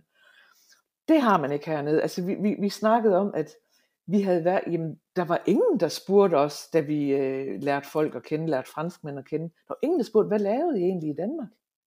Det var simpelthen ikke en, en oplysning, de, de var interesseret i. Altså det, det, og det er ikke, fordi man ikke er interesseret, men, men man, har ikke, man går ikke så meget op i, hvad folk de laver, som altså arbejder med. hvordan præsenterer man så typisk sig selv? Altså, hvad, hvad taler man mere omkring? Sådan, jeg, er, jeg er far til ham her, eller jeg, jeg går i den her sportsklub, eller hvad- hvordan, hvordan kommer man ja, så det er mere sådan ind? mere, hvem du er, end hvad du er, hvis man kan sige det på den måde. Ikke? Også, øh, så, så, så det er i hvert fald en af de ting, som, som vi har lagt mærke til, der var, var stor forskel på. Derudover så er det jo meget mere sådan, altså der er en meget mere afslappethed. Øh, hernede er der jo, der er for eksempel en, en meget udbredt cafékultur. Folk går jo på, på café. Det, jeg ved godt, at det er, er, er nok også ved at være meget udbredt i Danmark, især blandt måske unge mennesker. Øh. Og jeg skal så også lige sige, der kan jo være sket mange ting i Danmark i de seks år, som jeg, faktisk, som jeg jo ikke ved. Altså, Nej, ikke rigtigt, tror jeg. Nej. Men der sker, der sker lidt, men ikke det der store. sker jo nok noget, ikke? Ja, Men, ja, men, men det, det ved jeg selvfølgelig ikke helt, hvordan har tingene udviklet sig i Danmark. ja. Men, men der er for eksempel et ordsprog hernede i Sydfrankrig, som, som, som er lidt sjovt, fordi det hedder oversat til dansk. Stille og roligt om formiddagen, og ikke for meget stress om eftermiddagen. Altså, så, man tager sådan mere øh, stilfærdigt på, på tingene i mange sammenhænge. Men så kommer vi så til det der med trafikken, hvis vi lige skal tage den ind over os. Fordi Ja. så ændrer franskmændene sig fuldstændig, for så skal de godt nok fremad, og der skal ikke køre en bil foran dem, så øhm, den skal overhales. Altså de kan ikke klare at køre en bil, og de fræser afsted, og de, de har en frygtelig trafikkultur. Altså, Jeg tror, vi, vi nok er nogle stykker, der har været i Paris, om ikke andet, og set uh, Uha. triumfbuen der. ja, Jeg kan bare huske, at, at folk de sidder bare og holder, nu viser jeg det, det er rigtig godt at vise ting i en podcast, men de holder bare fingrene inde i, i hornet hele tiden, Ja. ikke? og Jo, sidder jo, og dytter, og der er Ja. ingen, der kan flytte sig 10 cm, men Nej. øh, og de har buler alle sammen i bilerne, ikke også? Altså, fordi, øh, og det var vi også klar over, da vi skulle have en bil her, hernede. I Danmark, der er man vant til, du skal have en pæn bil, og du værner om din bil, og den må helst ikke få buler og skrammer, og det, hernede, der var vi klar over, at vi skal have en, hvor vi ikke bliver nedtrykt af, at den får en bule eller en skam. Så, så vi skal have en gammel kasse eller et eller andet, vi bare kan Ja. rundt i, ikke også? Øh, har I oplevet lidt buler også? ja, ja, ja, ja, det har. Det er standard. Ja, det kan vi ikke undgå. Det kan, det kan man ikke undgå hernede. Men er det den samme øh, gejst og aggressivitet, eller hvad man skal sige, som alle franskmænd kører med, den vi ser i Paris? Ej, den er, det er særligt godt nok øh, i Paris, og særligt der omkring de, Triumfen. de tager lige Altså, det toppen man- af på landet. Ja, men, men, men der, Ja. og, og det, det er nok, altså de, dem som kører, dem du ser i Paris, det er måske dem alle sammen mere eller mindre, men her, der, der er det så måske kun nogen, men de er her, og, og der er Ja. mange af dem, der er virkelig, og hvor man nogle gange så bliver man overhalet med sådan et raballer, og man tænker, hvad skete der lige der? Vigtigt lige for lytterne at sige, at du er jo, hvad er du, du er 7-8 timer væk fra Paris eller sådan noget, ikke? Du er jo rimelig godt sydpå Ja, er godt- i forhold til, øh, i forhold ja. til Ja, og, det er og bor i en mindre by. Det fik vi ikke helt med lige i starten der, men hvor mange bor der egentlig i den by, du er i? Bare lige for at sætte det i der perspektiv. bor godt 11.000. Altså, det er lidt mindre, Ja, det er mindre sted, kan man godt sige. Ja. Ja. ja. Men, men det er egentlig meget skægt, fordi øh, den by, vi boede i før, der var også cirka 11.000. Men den, vi, Limu, hvor vi bor nu, har meget mere storbyspræg, end, end, end den by, vi boede i før. Så, så man Ja. ja. fik altid bare bedømme det på antal øh, indbyggere, kan- har vi så fundet ud af. Fordi der er meget mere storbystemning her i virkeligheden. Hvad er det, der gør det, tror du? Jamen, jamen det er, øh, altså dels så er der, der er rigtig mange små oplandsbyer til, til, vores, til den her by, hvor vores tidligere by nærmere var oplandsby til en større by. Så jeg tror, Okay. det er derfor, vi trækker øh, klientel og, og, og folk ind fra de små byer, og vi har hospital, og, og vi har nogle masser af handel og industri, som man slet ikke havde der, hvor vi boede før. Så jeg tror, det, det er hoved, Ja. hovedårsagen, det er, at, at vi har de her små oplandsbyer, hvor vi trækker en del fra. Og det giver også en, en anden stemning, kan man godt forestille Ja, sig. det gør det. Der er meget mere liv. Men var der andre sådan voldsomme kulturschok, I var ude for? Altså var der et eller andet, hvor du tænkte, det er fandme mærkeligt det her, eller har der været sådan andre episoder af den kaliber der? Ja, det, er, har, det har der. Altså, der er det der byråkrati. Jo. Nu havde vi uh, Henrik med tidligere fra Malaga, det er også noget, jeg selv har oplevet. Det, der, der skal du ned på, man skal have sådan et, i Spanien et 9-nummer, det svarer til et dansk CPR-nummer. Frankrig har sikkert også et eller andet lignende, ikke? men der skal man ned og bestille en tid, for at få en tid, så får du en tid, så kommer Ja. du ned og skal sidde der. Ja, Altså der, Ja. der kan de noget i Sydeuropa, har jeg indtryk Ja. af. ja det kan de. Det kan de. Er det lidt det samme, du oplever? Ja, Altså, altså, det, den, det, er, øh, det er nogle andre, altså, men, men vi, vi, snak, vi snakker tit om, at, at her i Frankrig, der kan man tit sådan få sig malet op i et hjørne. Forstået på den måde, at, at vi, vi skulle for eksempel øh, have, det er noget, der sådan, det man mest skal sammenligne det med, det er en registreringsattest til din bil i Danmark, men det er ikke helt det samme, men, men det er et stykke papir, du skal have, og skal kan vise, hvis du skulle blive stoppet af politiet og sådan nogle ting, ikke? Ja. Og det skulle, dels så skulle vi melde flytning, fordi vi er flyttet, fordi der står faktisk ens adresse på. Og dels så var vores, noget af det var blevet væk simpelthen. Altså, så, så, øh, så for at ændre adresse, så skulle vi sende vores værende kategori, som det hedder. Ja. Men det kunne vi jo ikke. Øh, fordi øh, vi havde det jo ikke. Så, så, så på den måde, altså, så kan man godt blive malet, føle, man bliver malet op i et hjørne. Ikke? Hvordan skal vi komme ud af den her situation, indtil vi så finder et venligt menneske, Jo, men, som kan hjælpe ja. os til det, ikke også? Det er sjovt, jeg tror, der, der tror jeg rigtig mange af jer, der lytter med, også kan genkende i alle lande, det der med, at der også, så skal man have et, en bankkonto for at kunne åbne et, øh, eller for at Ja. kunne have et legemål, eller der er ja. et Ja. eller andet, eller også så skal du have et legemål for at have en, et bankkonto, eller der er et eller andet, der ikke hænger sammen, altså hvor ja. Ja. det, skal, det kan ikke gå en til to på den måde, Nej. Eller fra A til B, det er nødt til at, at finde et sted at starte. Ja. Altså vi havde faktisk også en, øh, en, en sjov episode med en af vores kunder, som vi skulle hjælpe med at få øh, wifi i hans hus. Det var i, i forbindelse med det der med, at vi har hjulpet nogle folk med, med deres øh, huse, Ja, øh, ferieboliger. Og, øh, og, og der skulle vi så, vi var udstyret til neglene med alle mulige former for papir og fuldmagt og kopi af hans pas og alt muligt. Men vi kunne ikke, altså de, de ville have originalpas, og vi sagde, jamen en mand, han giver da ikke os sit originalpas, jamen så kan I ikke gøre det, så må han selv gøre det. Så, så det, det er sådan nogle ting, altså, hvor man tænker, det, ja, ja, ja det kan jeg godt følge. Har I Ja. haft noget renovering eller et eller andet i det nye hus her, eller i, i det gamle? Jeg tror, at det jeg fisker lidt efter, det er der med sådan oplevelsen af, af håndværkere, måske i Frankrig, ja. Også fordi jeg måske tænker, der kan være, vi har tidligere i podcasten her ros det danske håndværk for, at, øh, at det, det spiller tit ret godt, ikke? og kvaliteten er, er deroppe af, hvor jeg kan huske for eksempel i Spanien, at så tager man lige stik ud af stikkontakten, så ryger hele stikkontakten med ud af væggen nærmest, altså sådan nogle ting. ja. Har vi nok alle sammen oplevet rundt omkring. Ja. Jamen jo, noget- altså det er en historie for sig, det kan man jo skrive bøger om, øh, franske håndværkere. her, vi kan sige, nu er vi flyttet ind i et sprit nyt hus, og vi kan godt nok se mange steder, hvor vi tænker, ej, altså, kunne I ikke lige have gjort det der, altså, altså hvor der er lidt nogle tjuske ting, ikke også? Ja. Og, og det, det, det, man har ikke den der finish, som, som man har i Danmark. Altså det, det, det, det, men det, jeg tror ikke engang, de kan se det. Altså det er ikke, jeg tror ikke, det er fordi, de er dårligere nej, nej. mennesker eller noget, men, men de, nej, nej, nej. de har slet ikke den der, det der blik for, for det, som, som vi har. Altså, det, det har man ikke i, i, Frankrig. Så, så det er i hvert fald en af forklaringerne. Ja. Men, men der er mange, øh, og vi har selv brugt, altså vi fik lavet nogle ting i, i, i det hus, vi, vi boede i tidligere, og der havde vi da en, der valgte vi en britisk, en engelsk håndværker, ikke også? Så, ja. Og det kan jeg også se ind i de der Facebook-grupper, der er tit nogen, der efterspørger, er der ikke nogen, der kan snakke engelsk, eller nogle danske håndværkere, når, når de skal bruge nogen, ikke også? Ja. Fordi der, men selvfølgelig er der også, og vi har altså også eksempler på rigtig, rigtig gode og professionelle franske håndværkere, det skal lige siges. Men, men man skal lige, de skal også vælges ja. med omhu, ligesom bageren.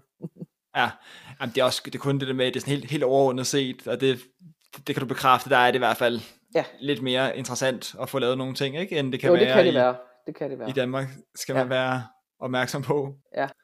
Hvordan ellers, jeg vil gerne lidt ind på det her med, hvor nemt er det for andre danskere, hvis der sidder nogen og lytter med her og flytter til, øh, til Frankrig, kan vi bare tage vores farvet pas i hånden og sige, nu begynder jeg at søge job i Frankrig, nu køber jeg et hus, eller hvad er dit indtryk af det?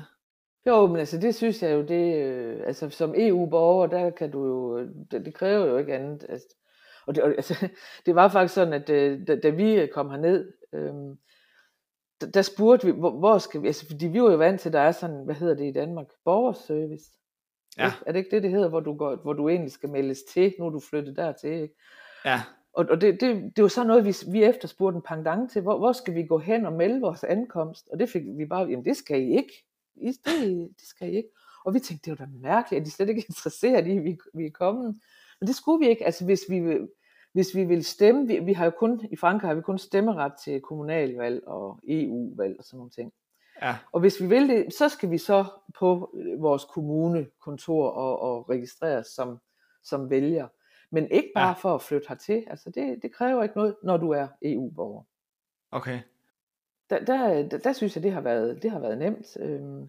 Man skal ikke oprette noget, altså sådan noget, i Spanien hedder det residencia, altså man har sådan en, en bopæls oprettelse af en art, ikke? eller man får det her, det der svarer til CPR-nummer, det har I ikke på samme måde? Nej, vi har ikke noget, øh, nej, det har vi ikke. Okay. Der er ikke noget, der svarer til CPR-nummer. Har I oprettet jeres firma i Frankrig, eller kører I det fra Danmark af, eller hvordan Nej, gør det har I vi oprettet i Frankrig, fordi at, øh, der, har okay. jo været, øh, der har jo været en dobbeltbeskatning øh, mellem ja. Frankrig og Danmark, så, så det ville være tåbeligt. Ja. Så, så vi har oprettet den i Frankrig, men, men det gik nemt. Altså vi, vi fandt en revisor, og, og det er dem, der har gjort det altså, for os. Øhm. Okay. Så, så, så det har vi faktisk ikke selv haft hverken noget bøvl eller noget med. Altså det fik vi bare en revisor til. Der hvor vi havde bøvl, ja. eller jeg havde bøvl, vi skal have noget, der hedder et kartivital. Det du bedst kan sammenligne med i Danmark, det er et sygesikringsbevis. Den offentlige ja. sygesikring. Ja. Og, og øh, det gik der totalt klud i. Altså Karsten fik det efter, jeg kan ikke huske, jeg tror det var 16 måneder.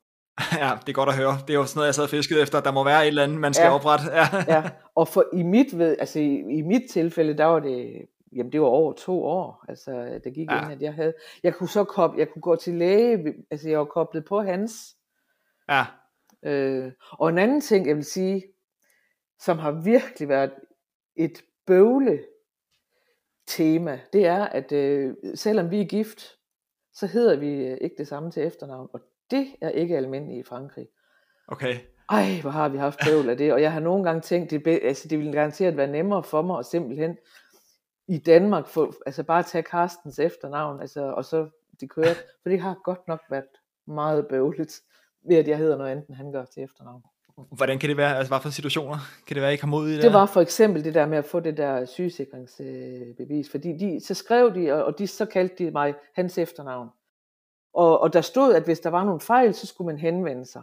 Så, og det gjorde jeg jo. Altså, det er også en ting, der er meget forskel på danskere og franskmænd. Vi danskere, vi er frygtelig autoritetstro. Hvor ja. en franskmand ville have sagt, ski være med det. Jeg kører det. Ja, ja, ja, det gør jeg rigtigt. sgu ikke noget Ja. ved. Men jeg, når der stod, at det skulle jeg gøre opmærksom på, jamen så gør jeg da opmærksom på det. Det er altså Ja. ikke mit rigtige navn. Jeg hedder altså Overgaard. Og så gik der jo så lige et år ekstra, og så sendte de igen, og så stod der så hans navn igen. Og der var, blev jeg så fransk og sagde, pyt med det, nu, nu kører det bare. Så, så i, det system, der hedder jeg faktisk ikke Overgaard. Ej, jeg synes, jeg er glad for at høre, Anissa, at det er lidt besværligt også. Altså, Ja. jeg, man, skal, man skal jo have oprettet det der sygesikring. Tror du ikke, man skal have lavet det først, før man kan oprette et, et firma dernede? Eller hvordan tror du, det hænger Nej, sammen? øh, nej vi, vi gjorde det faktisk i modsat. Okay. Altså, fordi du, Okay. kan, du kan dels, og det, det var også det, der gik lidt galt, fordi vi netop oprettede, altså vi oprettede firmaet først, og så oprettede vi øh, sygesikring i firmaets navn, Ja. hvis man kan sige det sådan. Fordi at øh, det handler lidt om, at, at man skal betale nogle sociale ydelser i, øh, i firmaregi. Det er en, det er en længere historie. Pyt være Ja, ja, ja. ja. Men, men jeg tror, det er i hvert fald det, jeg for- fornemmer, når jeg hører fra andre, at havde vi gjort det som privatpersoner, så var det ikke gået så... Det er altså, når du opretter det der i firmaregi, så er det så nogle gange, det kan gå totalt galt. Så, så det kan min opfordring være, hvis du flytter til Frankrig, så opret dit Carte Vitale, dit sygesikringsbevis i dit privatnavn. Det går Ja. nemmere. Men det er noget, vi godt bare kan tage ned og oprette, altså uden at have et job også. Det er noget, man, godt, man kan godt bare sige, jeg flytter til Frankrig og, Ja. og opretter Ja. det her. Ja, det kan. Altså du skal jo så bare, du skal jo selvfølgelig klare dig selv, jo ikke også? Altså, Ja. og, og, og, det var jo også, det, det gjorde, vi havde jo, altså, da vi kom herned, vi havde jo ingenting, øh, job eller intet. Så, så, så vi, øh, altså, og det kan du sagtens, men, men vi kunne jo ikke gå, gå hen og sige, øh, kan I ikke lige øh, give os nogle øh, ydelser, øh, nogle Nej. dagpenge eller et eller andet. Altså, Nej, nej, nej, nej, nej, nej, det er klart. så, så Men man, man, er, man er sådan dækket, hvis man kommer på sygehus, hvis man falder og brækker armen, så kommer man på... Ja, hospitalet? det ikke bare ved den offentlige sygesikring. Den dækker altså Okay. kun en, øh, en lille del. Altså du skal faktisk, øh, hvis, hvis du vil være helt sikker, så skal du tegne sådan en top-up forsikring, Ja, som godt kan være rimelig peberet, og jo ældre du bliver, jo mere peberet bliver den. okay. Men, men, men man skal tænke sig godt om, fordi vi har godt nok også hørt om mange, som har tegnet den, og som, som aldrig har brugt den rigtigt. Så, så jeg vil egentlig sige, det var måske smart, om, hvis, og jeg ved godt, det er rigtig svært, for det gør man jo ikke, men hvis man satte en sum penge af hver måned, Ja, øh, til, altså i eget regi, det tror jeg faktisk Ja. ville være, være bedre. Øh, fordi hvis- du, altså hvis det er rigtig alvorlig sygdom, så er du dækket ind. Altså hvis det er kræft eller noget Ja. dødeligt, så er du dækket ind. Men, men så er der andre ting, hvor du ikke er. Så, så der, vi har rigtig mange eksempler på, at folk de har betalt i dyre domme til sådan en forsikring, og de får slet, slet ikke det ud af det. Som, hvad kunne det ellers være, man ikke er dækket ind indenfor?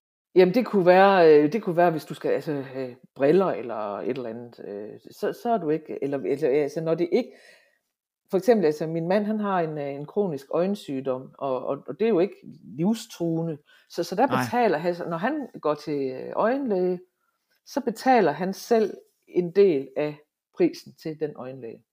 Okay.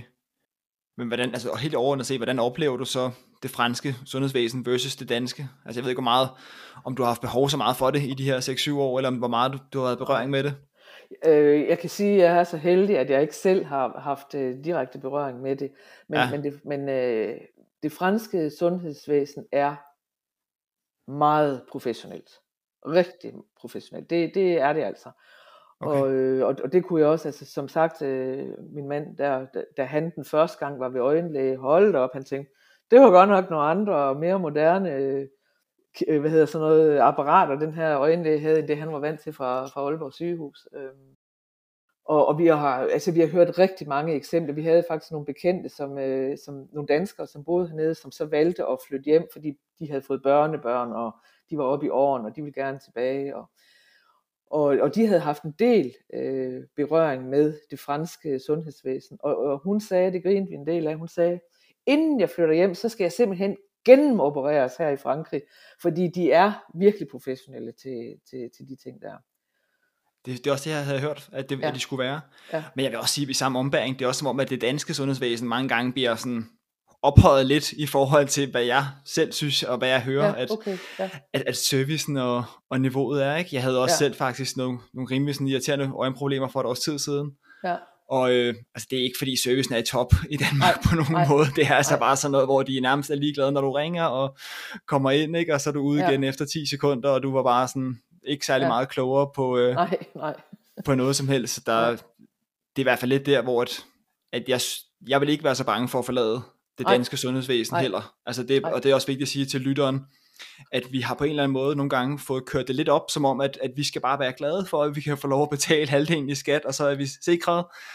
Og det, det er ikke sådan helt, jeg føler det i hvert fald. Nej. Vi er også Nej, begyndt i Danmark, ikke? der har vi jo også flere og flere, der tegner de her private forsikringer, ja, for at du kan præcis.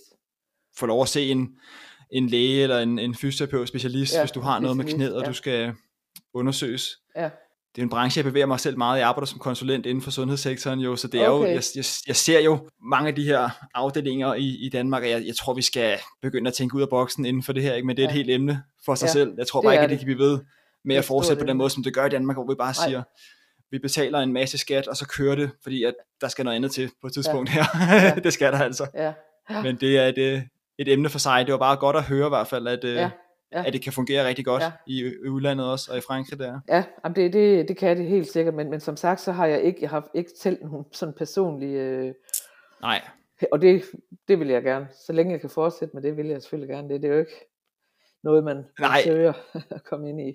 nej, men også for lige tilbage, jeg var uheldig at, at falde på cykel nede i Spanien der, og fik en øh, operation sådan ret Okay. hurtigt i Spanien efter, efter et par dage, ja. Hvor man satte sådan en, øh, en, en plade ind i, i kravbenet, for at den skulle sætte sammen med en anden knogle. Man kan ja. Brække det her kravben ret uheldigt. Og der var mange, der sagde til mig sådan, "Jamen, det var da ærgerligt, og hvordan turde du blive opereret i Spanien, og hvorfor ja. Tog du ikke tilbage til Danmark? Og sådan, hvor jeg bare sådan, jeg var lykkelig for, at jeg var i Spanien, Ja, fordi at de, har, de har så meget kompetencer i de her Ja, lande. det har de altså. Altså fordi at der er bor 45 millioner, ikke? og de har set mange forskellige ting, og i, i den sammenhæng, så er Danmark bare relativt småt, ja. altså med, med komplicerede brud og de her ting. Ja, ja. Og, øh, og nu har jeg jo en baggrund som fysioterapeut, og jeg vil faktisk være i tvivl, om jeg bare bliver opereret i Danmark, fordi at der er approachen tit bare sådan, lad os se, hvordan det går, ja. Og vi venter lige to måneder, Ja, og der er jo folk, der, der kommer ud og ikke har den samme funktion i armen bagefter, fordi man har været så konservativ i. Ja. sin tilgang, ikke? Man skal heller ikke bare operere folk for sjov, men, men det Nej, er nej. en, øh, det er noget af det, man, man kan opleve lidt. Ja, ja.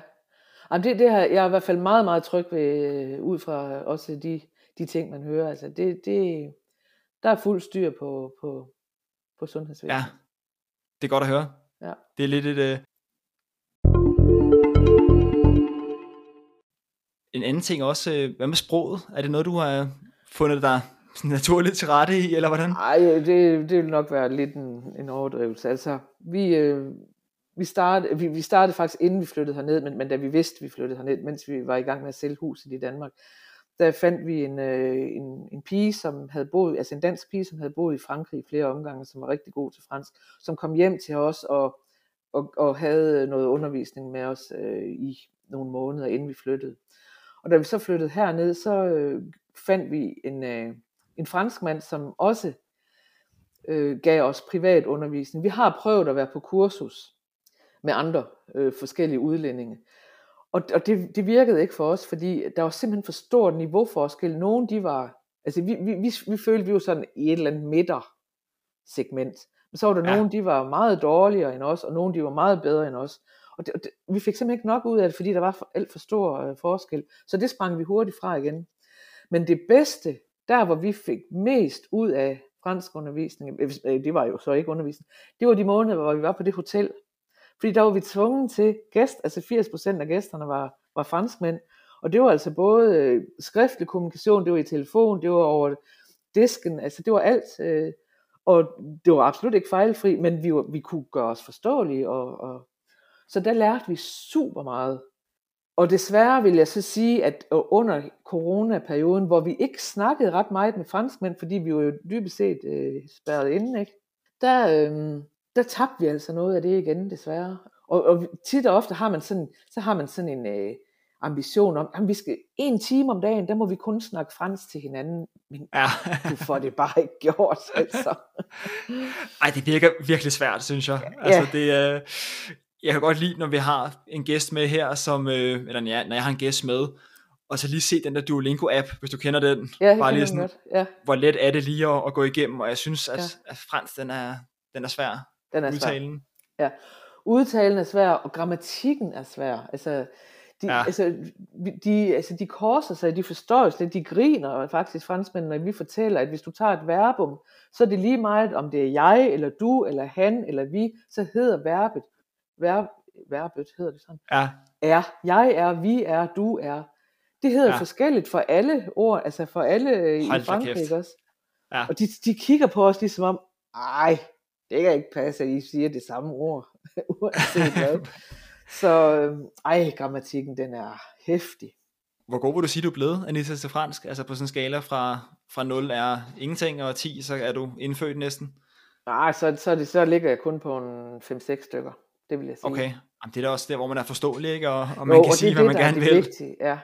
Men altså nu, nu, vi snakkede lige med en dansker her den anden dag faktisk, og han, han sagde, at måden han havde lært det på, øh, det var simpelthen at gå ind på en café, og så skulle han komme hver dag, fordi det er ikke nok, at du går derind. Altså hver morgen, bestille en kaffe på et tidspunkt, når du er kommet nogle dage, så begynder de lokale at sige, ham der, han kommer sådan hele tiden, nu, øh, vi, ham må vi hellere lige høre, hvad han for en, og så, så kommer han i snak, fordi det er den måde, du lærer det, det er jo ved at tale mere, end at du sidder og læser i en grammatikbog, ikke også? Det, er- det er helt sikkert. Ja.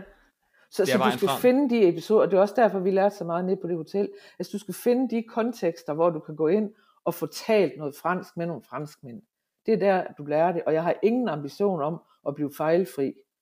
Men, men jeg, vil, jeg har en ambition om at måske komme op på en 8-9 stykker på, den, på din skala til 10, ikke? Stærkt. Ja. Og hvad hedder det? Der er også rig mulighed for at lære fransk, ikke? Altså, at de snakker mere med engelsk, har jeg indtrykket af. Nu var det 5-6 år siden, jeg var i Frankrig selv sidst. Jeg tror, det er lidt forskelligt. Altså, den egen, vi bor i nu, der er faktisk rigtig, rigtig mange øh, englændere. Så, så der er man Ja. nok lidt bedre. Altså, det kommer lidt an på, om man har brug for det. Det. Okay. man skal tænke på, fordi der er mange, der siger, at franskmænd, de vil ikke tale engelsk og sådan noget. Og det er jeg slet ikke enig i, at øh, der er faktisk mange, der gerne vil, men de magter det ikke, de kan det ikke. Og Okay. en af grundene, tror jeg, det er, at i Danmark, der er vi vant til, at vi ser amerikanske film og engelske film på originalsproget. Det gør de ikke hernede, de bliver altså eftersynkroniseret. Ja, Så de det- hører jo ikke. Vi er jo, vi er jo opfostret fra, vi er små, hører vi det engelske sprog. Og det tror jeg, at det er meget grunden til, at, at, at, øh, at vi gode danskere er, er generelt dygtige til at snakke engelsk. ja. Ja. Men det er franskmænd ikke, fordi øh, dels så er det elendig engelsk undervisning, de har i skolen mange gange, og dels så, øh, så hører de det ikke i dagligdagen, medmindre de er i, i øh, en, et miljø, hvor der måske er mange englænder eller noget i den retning. Ja, det er klart, det gør en forskel. Det kan også noget at høre Brad Pitt snakke, snakke fransk, ikke? eller tysk kan han også Ja, tale nogle gange. præcis, det er, ja, det er ja. ret vildt. Ja, Men det er jo også, altså fred være med det, det er jo selvfølgelig Frankrig, øh, at det handler om, ikke? Det, det er mere det der med, at, at det er måske et af de lande, hvor det godt kan betale sig at gøre en indsats for at, for at lære sproget, hvor det måske er, er mindre relevant i, i Schweiz, eller, eller hvad ved jeg, ikke? Andre Ja. steder. Men, men, men jeg vil egentlig også sige, altså hvis du vælger at bosætte dig i et andet land, så, så, så synes jeg egentlig også, at man har en eller anden form for forpligtelse til at prøve at, så godt man nu kan, prøve at lære sproget, og, og prøve at sætte sig ind i, hvad er det for en kultur, og, og, og fordi det er jo også det, det, det er også det, vi som danskere, vi kræver af de udlændinge, som Ja. bosætter sig i Danmark, ikke også? Vi bliver jo meget forarvet, hvis ikke øh, de kan snakke dansk og sådan nogle ting. Og, og Ja. ja. vi skal æde vores egen medicin. Vi, vi, det, vi skal også Enig, agere ja. på den måde, ikke også? Når vi rejser udenlands, så, så, så øh, ja. vi, er, vi er gæster i, i, Ja. ja. i et andet land, og det, det, det, må, det skal vi passe på med, at vi ikke glemmer. Og jeg tror, at man bliver også mindre gæst, hvis man kan, som du siger, tale sproget, ikke? og begynde at, Meget. og inter- interagere mere med dem, der... Ja. Øh, Ja. altså, jeg, jeg havde jo, der er måske sidespor igen, men jeg trænede en del løbetræning, da jeg var i Spanien, og snakkede meget lidt spansk, men prøvede jo at lære det så hurtigt jeg kunne, Ja. og nåede aldrig rigtig op på noget brugbart niveau, men jeg Nej. gjorde da en indsats, så hvis jeg havde været der i, i 5-10 år, så havde jeg lært at tale det, ikke? Men, men det var da sjovt at komme ud og, og være sammen med de lokale der, og, ja, det er det altså. og lave noget, noget Ja. med dem. Ja. Så det er også en kæmpe opfordring til at, til at gøre det, lige Ja. meget hvor meget man, øh, man taler, så springe ud i det. Ja, og øh, nu har jeg, øh, da jeg boede i Danmark, der var jeg meget involveret i Rotary faktisk, øh, Ja. i Aalborg. Og, øh, og, og der hvor vi boede før, der var et stykke vej til den nærmeste Rotary klub, så, så det, det vidste jeg, det, det, det, det orker jeg ikke, hvis jeg skal sådan køre langt efter, så ved jeg bare, så er det for mange gange, hvis jeg siger, det gider jeg ikke lige i dag. Men, men der er faktisk en, øh, en Rotary klub her i byen, øh, og der har jeg faktisk en tanke om, at, at jeg vil øh, melde mig på banen, og så vil jeg sige til dem, I skal ikke tage hensyn til mig, I skal, altså, jeg forstår Ja. måske kun en del af det, I siger, og, og jeg kan heller ikke... Øh, altså, for jeg tror, det kan være med til, og, altså, og at jeg også lærer sproget, men, men også integrationsmæssigt. Vi har i hvert fald lært fra, fra der, hvor vi boede før, noget af det, vi vil gøre anderledes her, hvor vi bor nu, vi vil gøre en større indsats for at blive integreret blandt franskmændene. Ja, Fordi tit og ofte har man tilbøjelighed til, at man samler sig i nogle grupper af, så vil skandinaver og englænder samler sig i nogle grupper og sådan nogle ting. Ikke? Altså, jeg tror altså, for os der er det vigtigt, at vi vil simpelthen i højere grad være integreret med franskmændene. Og så er vi nødt til at være der, hvor de er, og finde ud af, hvor kan vi, hvor kan vi øh, møde dem henne. Super god idé, og det er bare, synes jeg, en godt, godt mindset, du har omkring det, bare at springe ud i det, og så acceptere, ja. at man forstår 10%. Det var Ja, sådan lidt, jeg, jeg tænkte, da det var. Ja, fordi så kan det være om et år, Ja. så kan det være, at du forstår 15 procent, og så, øh, Ja, og det de er jo super værd. flinke, og så, så Ja. ja. det gjorde spanierne også i hvert fald, så prøvede de efter man havde kendt dem et par Ja. uger at komme med det, de kunne på engelsk også, og det var Ja, sådan nogenlunde præcis. det samme, jeg kunne på spansk, ikke? og så gik det sådan lidt, lidt op. ja. Det var, øh, hvis lige afslutningsvis, øh, Anita, har du planer om at vende hjem til Danmark en dag? Kunne du se det for dig? Altså, jeg har ikke planer, eller vi har ikke planer om at, at, at vende hjem til, til Danmark. Øh, men, men ting kan jo ske, der kan jo ske ændringer. Nu har vi jo oplevet øh, de seneste to år med corona, og med krig, og med krise, og med inflation, og jeg ved ikke hvad. Ja, Vi har oplevet, at øh, vi, kan, vi kan ikke forudsige, øh, hvis vi troede det før, så har vi i hvert fald lært, at vi kan ikke forudsige, hvad der sker i den her verden. nej, Så, så der kan ske noget, noget, som vi slet ikke kan forestille os i dag, som, som kan gøre, at vi siger, okay, det, det kan vi ikke overskue, så, så nu er vi nødt til at, at, at vende hjem. Så derfor Ja. kan jeg ikke afvise, at vi en dag vender hjem, men, men det er ikke en plan overhovedet. PT er det ikke øh, et tema. Jeg tror også, når I vælger at trække jer tilbage på et eller andet tidspunkt, så er det nok også sjovere at være nede, hvor I er. Altså jeg tænker i hvert fald selv, at jeg skal ned sydpå, når den, Ja. den tid også kommer en dag. Ja, Det er lidt sjovere med lyset, ikke? Og, og varmen, når de, ja det, det, er, det, er lidt an, det er lidt anderledes. Som noget nyt her i, øh, i podcasten, de så ud, Anita, vil jeg bede dig finde på et spørgsmål til den kommende gæst, jeg får ind. Og jeg ved ikke, hvem gæsten er, eller hvor vi skal hen næste gang. Men Nej. er der et spørgsmål, du kunne finde på at stille en anden dansker, du skal tænke på, at det er nok en, en person, som har lidt den samme baggrund. Det er en person, der har valgt at forlade Danmark, og ikke har planer om at komme tilbage. Det er det, I har til fælles. Ja. Men derfra kunne det være alt i verden. Altså, jeg, jeg, ved- jeg ved ikke, fordi jeg tænker egentlig, at de spørgsmål, du selv stiller, er jo langt hen ad vejen måske de samme spørgsmål, jeg vil komme frem til. Så hvis jeg, Ja. så, skulle, hvis jeg så skulle lave sådan et, øh, et, lidt, Det må gerne øh, være helt anderledes. et lidt lavpraktisk øh, Ja, og, og, og lidt anderledes spørgsmål, så kunne jeg jo så spørge om, nu har vi været inde på det der med det danske mad, at der er nogle ting, man, man sådan savner fra det danske køkken. Så et spørgsmål kunne jo være, hvor mange bøtter remoulade spiser din husstand i løbet af et år, og hvordan skaffer I det? Sådan. Det synes jeg er et, et stærkt spørgsmål. Det er faktisk rigtig godt. Det er Ja. et rigtig godt spørgsmål. Jeg kan sådan ikke, fornemme, øh, at der er rigtig mange øh, ude, udenlandsdanskere, som værner lidt, for vi kan ikke købe det der remoulade, det er ikke et produkt, man har i andre lande. Så, Nej. øh, så, så øh, ja, det kunne være et spørgsmål om, øh, Der var en butik nede i Spanien, der nærmest ikke solgte andet end remoulade, tror jeg. Men jeg ved ikke, ah, det var sådan et dansk supermarked. ja, men, okay. men det var også Costa del Sol. Jeg tror, det er... Ja. Der ligger, jeg tror, det er det sted Danmark, øh, uden for Danmark, hvor der bor flest danskere nærmest. Altså, Ja, det er, ja, det, er, det ja. kan, I, kan I også, hvis I ikke har hørt det, jeg lytter, så gå tilbage og hør afsnittet med Henrik der i, øh, fra Malaga. Det er et område, der er mange danskere i hvert fald. ja. Men det er et godt spørgsmål. Det Ja. tager vi med videre til, til næste gæst, Anita. Men Gør du får lige lov at svare på det. Også selv. Ja, jeg skal svare på det selv, ja. Jamen, øh, det, der står vi lidt i et dilemma, fordi indtil videre, der har vi faktisk fået øh, fragtet remoulade fra Danmark til, til Frankrig via nogle venner, som øh, havde et feriehus i, i byen, vi boede i før. Så de har fragtet remoulade og mammenost i virkeligheden. Ja. I store mængder. Hver gang de kom, så havde de sådan noget med til os. Og nu øh, bor vi altså 425 km fra hinanden, så vi skal have fundet en ny remoulade leverandør. Så, øh, så, så derfor kan mit, øh, mit spørgsmål, altså svaret fra, fra din næste gæst, kan jo være måske til inspiration. Men, men jeg ved, der findes faktisk nogle firmaer i Danmark, som sender alverdens øh, danske varer fra makrelsalat og remoulade Ja. ja. og alt muligt. Øh, så, så det kan være, at vi skal til at have, have let efter en af dem. Og, så, og ellers må I melde ind, jer der lytter med, specielt jer der bor i Frankrig selvfølgelig, hvis I har et bud på, hvor Anita kan få øh, i nærheden af Limoux. Leverancer fra, ja. ja. og så aller, aller sidste spørgsmål, Anita, så får du lov at slippe.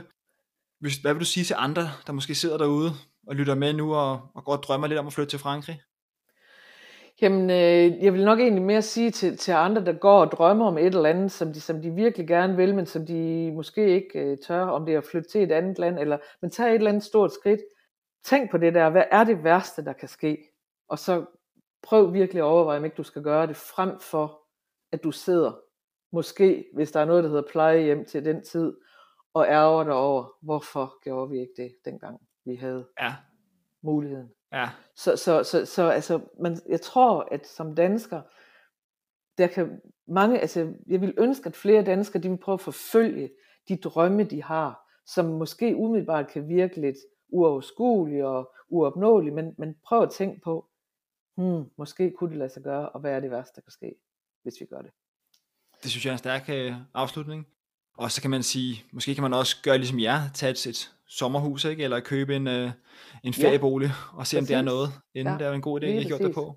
Og som vi har gjort nu, hvor vi jo så er flyttet igen, der har vi valgt en lejebolig, fordi altså, i stedet for at gå ind og købe et hus, hvis vi så fandt ud af, ej, men det her område er slet ikke noget for os, så, øh, ja. så har vi så indtil videre i hvert fald lejet et hus. Jeg synes i hvert fald, det er en super stærk og meget inspirerende historie, I har, og godt gået. Tak og for det. Ikke mindst tak for, at du har lyst til at være med. Det tror jeg, det har været en fornøjelse. jeg har stor pris på, og det gør lytterne også, det er jeg sikker på. Det har været en fornøjelse.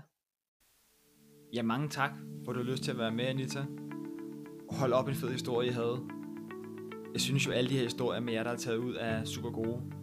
Men det er ikke nogen hemmelighed, at jeg har en forkærlighed for dem af jer, der har siddet derhjemme, forelsket jer i et land, og så bare taget afsted, gået all in, og fået det til at fungere. Så det var super fedt, og det er en stor inspiration for, øh, for os andre, det er jeg sikker på. Så tak for at dele den historie, Anita. Og også en stor tak til dig, der lytter med. I skal vide, at jeg aktuelt kun har udgifter forbundet med podcasten her. Men jeg synes, det er super sjovt at lave. Og øh, jeg gider heller ikke øh, begynde at have, have reklamer ud over det hele. Det er slet ikke der, hvor vi, øh, hvor vi er. Men øh, jeg er meget motiveret af at se, hvordan der kommer flere lyttere til. Det synes jeg er, er sjovt og godt at se. Så hvis du ønsker at hjælpe mig med det, hjælpe podcasten, så husk at anbefale den her podcast til folk, du kender. Smid et link til podcasten i en kommentar, hvis du sidder i en af de her danskere i udlandet grupper. Det kunne være en ny, der spurgte, hvordan fungerer det med lejlighed her, eller, eller hvad skal jeg være opmærksom på, når jeg flytter til, til Sydney, eller til Dublin, eller til Malaga, eller der kunne man hurtigt lige smide et link ind til showet og sige, øh, prøv at høre den her podcast, det kan være, at den kan komme med noget inspiration. Det vil være en, øh, en stor hjælp for podcasten, og, og måske også selvfølgelig give noget reelt inspiration til den person, der, øh, der har brug for det. Sidst men ikke mindst, husk at give en anmeldelse, hvor end du lytter henne. Det gør også det her med, at podcasten kommer bedre frem i algoritmen. Og så er der ikke andet tilbage nu, end at sige tak for, at du lyttede med, og vi lyttes ved næste gang.